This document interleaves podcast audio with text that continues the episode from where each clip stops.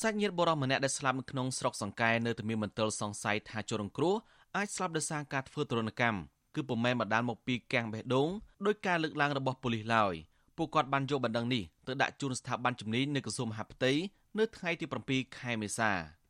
បងប្រុសបង្ការរបស់ជនរងគ្រោះគឺលោកពេជ្រធីរ៉ាបានប្រាប់អាស៊ីសេរីនៅរសៀលថ្ងៃទី7ខែមេសាថាលោកចង់ឲ្យគណៈកម្មាធិការជាតិប្រឆាំងទរណកម្មចុះស៊ើបអង្កេតស៊ីជម្រៅ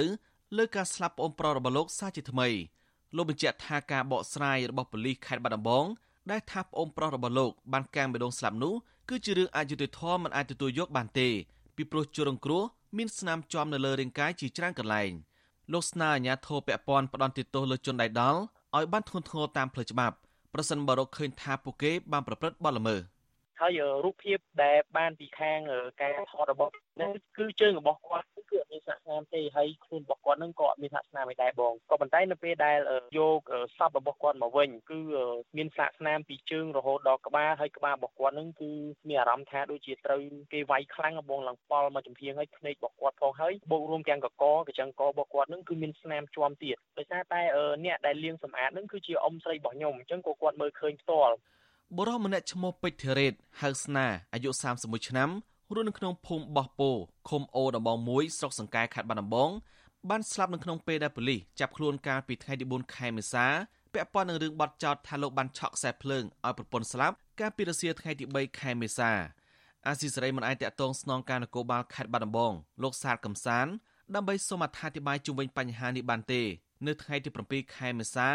ដោយទូរស័ព្ទចូលច្រានដងពុំមានអ្នកទទួល។ ប៉ុន្តែកាលពីថ្ងៃទី4ខែមេសាស្នងការដ្ឋាននគរបាលខេត្តបាត់ដំបងបានបំភ្លឺថាលោកពេជ្រធីរ៉េតស្លាប់ដោយសារកាំងបេះដូងដោយសារប្រើសារធាតុញៀនហួសកម្រិត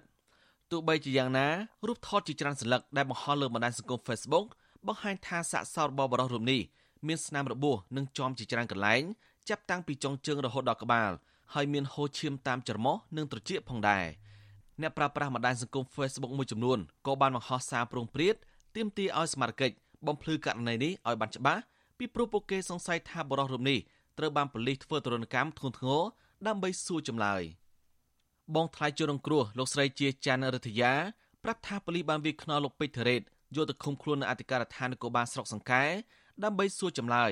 ក្រោយពេលប្អូនស្រីលោកស្រីឈ្មោះជាចាន់រចនាបានស្លាប់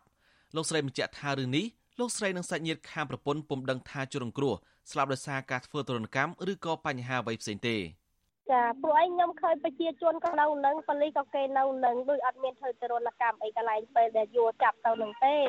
ព្រោះប្រជាជននៅជុំវិញទាំងអស់ថ្ងៃនឹងស្រូស្រទាំងរហូតដល់ម៉ោង10យប់ឯណោះរហូតដល់ខ្ញុំយកសាប់ប្អូនខ្ញុំចេញពីកន្លែងផ្ទះនឹងបានមកចាខ្ញុំក៏មិនដឹងថាម៉េចទៅមុខទៀតដែរព្រោះខ្ញុំវាអត់ដឹងមែនខ្ញុំមិនត្រាទៅឃើញប្អូនខ្ញុំស្លុតអស់ហើយប៉ុន្តែមិនដឹងធ្វើម៉េចជុំវិញបញ្ហានេះ មន្ត្រីសម្របសម្រួលសមាគមការពារសិទ្ធិមនុស្សអាត6ខេត្តបាត់ដំបងលោកយិនមីនលីយល់ថារឿងនេះអាជ្ញាធរពាក់ព័ន្ធគួរតែស៊ើបអង្កេតឲ្យបានស៊ីជម្រៅបន្ថែមទៀតដើម្បីផ្ដល់យុត្តិធម៌ដល់អ្នកស្លាប់លោកបញ្ជាក់ទៀតថាការស្លាប់នេះមិនអាចបញ្ចប់ត្រឹមការបកស្រាយរបស់ប៉ូលីសបានទេដោយសារមានស្នាមជាំច្រើនកន្លែងនៅលើរាងកាយរបស់ជនរងគ្រោះដែលធ្វើមហាជនមានមន្ទិលសង្ស័យ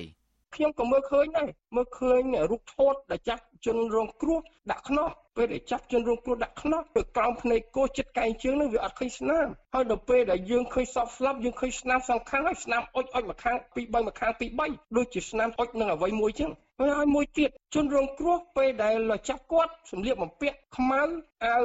យឺតខាងក្នុងសចុះនៅពេលដែលគាត់ស្លាប់ហេតុអីបានសម្លៀកបំពាក់ត្រូវបានសមត្ថកិច្ចដោះដូរហើយដោះដូរមានមូលហេតុអីហើយណាហើយនឹងស្នាក់ស្នាមមួយទៀតដែលអាចសបញ្ជាក់ឲ្យក្រុមគ្រួសារជនរងគ្រោះគាត់មិនអស់ចិត្តចឹងឲ្យគាត់ប៉ុណ្ណឹងចុះ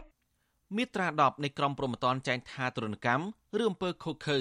ដែលប្រព្រឹត្តទៅលើបុគ្គលណាមួយនោះត្រូវផ្ដន្ទាទោសដាក់ពន្ធនាគារចាប់ពី7ដល់15ឆ្នាំលើពីនេះការបាបបាល់ក្រិតនេះត្រូវបានប្រព្រឹត្តដោយអ្នករាជការសាធារណៈនៅក្នុងក្របខ័ណ្ឌនៃមុខងារឬនៅក្នុងឱកាសនៃការបំពេញការងាររបស់ខ្លួនត្រូវផ្ដន្ទាទោសដាក់ពន្ធនាគារពី10ឆ្នាំទៅ20ឆ្នាំខ្ញុំសនចាររថា អាស៊ីសេរីរាយការណ៍ពីរដ្ឋធានី Washington